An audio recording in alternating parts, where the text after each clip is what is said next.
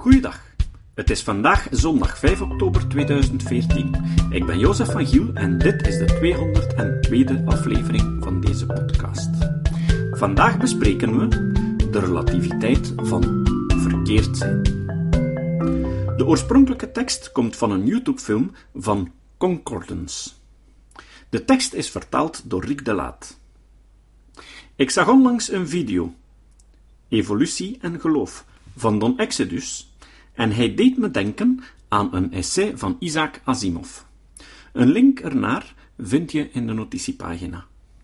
Je kent Asimov misschien als een groot schrijver van fictie, zowel als non-fictie, wetenschap en science fiction. Hij was een held van de verbeelding en deed het vuur ontvlammen in de verbeelding van hopen wetenschappers. Hij was een van mijn inspirators en een kampioen van reden, logica en scepticisme. Zijn argumentatie gaat over een antwoord dat hij kreeg op een commentaar in een van zijn artikelen over de vooruitgang van wetenschappelijke kennis. Hoeveel we nu weten over het universum dat de ouden niet wisten. Hij ontving een brief van een niet-wetenschapper, een Engelse letterkundige die zijn houding over de wetenschap even wou bijwerken. Ik citeer hem. De jonge specialist in de Engelse literatuur las me streng de Levieten over het feit dat in elke eeuw mensen dachten dat ze het universum begrepen. En in elke eeuw werd aangetoond dat ze het fout hadden. Daaruit bleek dat het enige wat we kunnen zeggen over onze moderne kennis is dat ze fout is. Ik antwoordde hem: John, toen de mensen dachten dat de aarde plat was, hadden ze het fout. Toen ze dachten dat de aarde een bol was, hadden ze het ook fout. Maar als jij denkt dat denken dat de aarde een bol is even fout is als denken dat de aarde plat is, dan is jouw idee fouter dan die twee andere bij elkaar.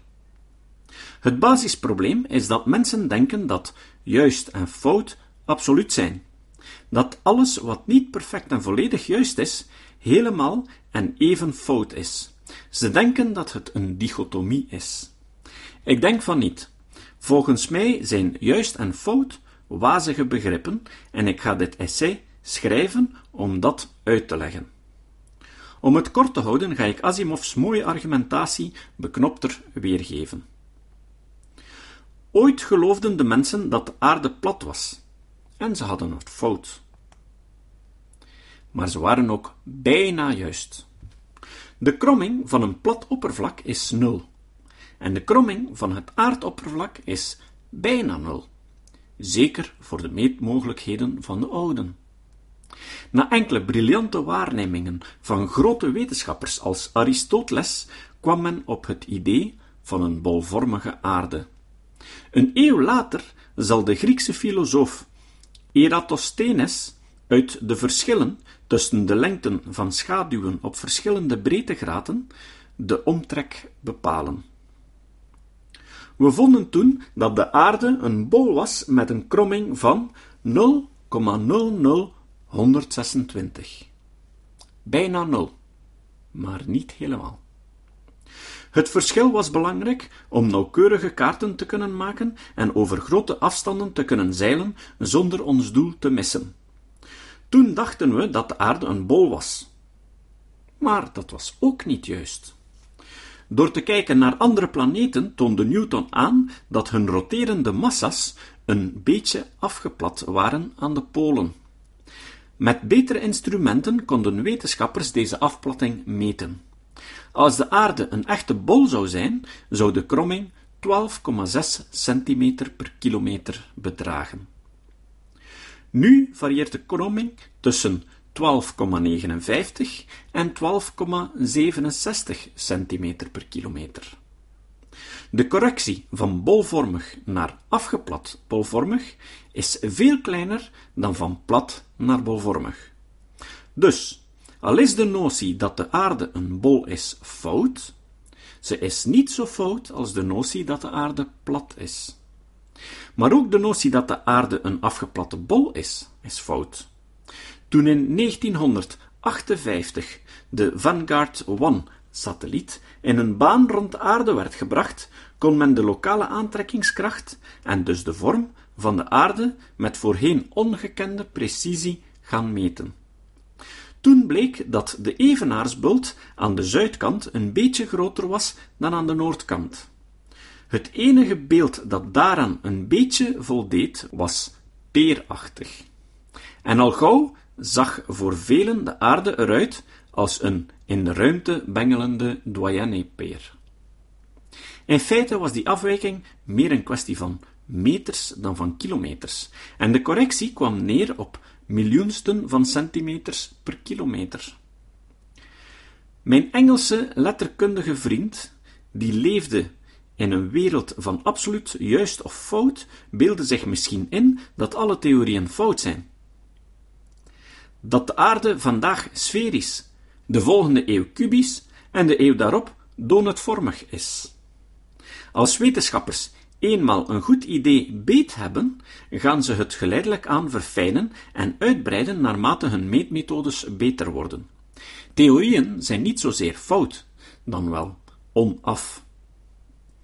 Dat is ook op andere domeinen van toepassing. Ook al lijkt een nieuwe theorie revolutionairder te zijn, ze komt meestal tevoorschijn door kleine verfijningen. Als er meer zou nodig zijn dan een kleine verbetering, dan had de oude theorie het nooit zo lang uitgehouden. Copernicus verving het aarde-gecentreerde planetaire systeem door een zon-gecentreerd systeem. Daardoor ging hij van iets aannemelijks naar iets dat ogenschijnlijk belachelijk is. Maar het ging erom een betere manier te vinden om de planeetbanen te berekenen. Daarom werd uiteindelijk de geocentrische theorie verlaten. Omdat de oude theorie vrij goede resultaten gaf naar de standaarden van die tijd, werd ze zo lang aangehouden.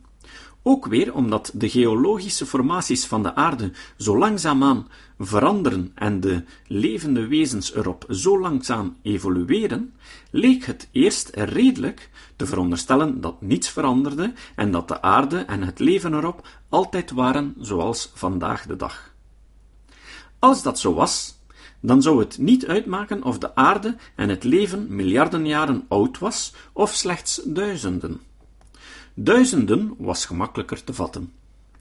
Maar toen zorgvuldig waarnemen aantoonde dat aarde en leven veranderden aan een weliswaar kleine, maar niet zero snelheid, werd het duidelijk dat aarde en leven zeer oud moesten zijn.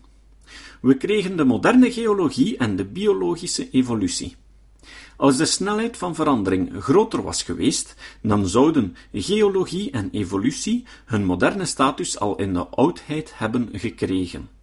Alleen omdat het verschil tussen de veranderingssnelheid in een statisch heelal en in een evolutionair heelal het verschil is tussen nul en bijna nul, kunnen de creationisten hun onzin blijven verkopen omdat de verfijningen van theorieën steeds maar kleiner worden, waren ook de heel oude theorieën voldoende juist om vooruitgang toe te laten. Vooruitgang die niet teniet gedaan werd door latere verfijningen. Natuurlijk kan je de huidige theorieën als fout beschouwen in de simplistische zin van mijn Engelse letterkundige correspondent, maar op een waarachtiger en subtielere manier moeten ze alleen maar als onvolledig beschouwd worden. Ah ja, op de notitiepagina's vind je ook een prachtige referentie naar een artikel van Maarten Boudry, die ongeveer op hetzelfde neerkomt als de tekst van Isaac Asimov. De moeite waard om te lezen. Het citaat. Het citaat van vandaag is van Elise Andrew. Elise Andrew is de auteur van de Facebookpagina I fucking love science. Andrew zei: Iedereen is zot van wetenschap, tot ze hun eigen persoonlijke stokpaardje begint te ontkrachten. Dat wordt ook cognitieve dissonantie genoemd. Tot de volgende keer. Deze podcast is het resultaat van het werk van veel mensen. Rick de Laat verbetert bijna al mijn teksten en maakt de meeste vertalingen. Emiel Dingemans verzorgt onze website en Facebookpagina. ook Leon Korteweg en Stefan Sutens schrijven, vertalen of verbeteren soms artikelen. Leon onderhoudt bovendien het YouTube-kanaal van deze podcast. De muziek van de intro en de trailer heeft Nick Lucassen geschreven en soms maken we ook gebruik van muziek van Ad van Nederpelt, die ons zijn prachtige composities ter beschikking stelt. Dit was de podcast Kritisch Denken. Vergeet niet om alles kritisch te behandelen, ook deze podcast. Voor verdere informatie over deze podcast, links en voor de tekst, surf naar www.kritischdenken.info. Als je deze podcast belangrijk vindt, kun je me steunen door anderen warm te maken ook eens te luisteren. Stuur een e-mail naar vrienden met een link naar de website en plaats de link in de handtekening van je e-mails. Tevens kun je op iTunes deze podcast een beoordeling geven of een recensie schrijven. Of je kan op je eigen website of blog een link naar kritisch denken plaatsen.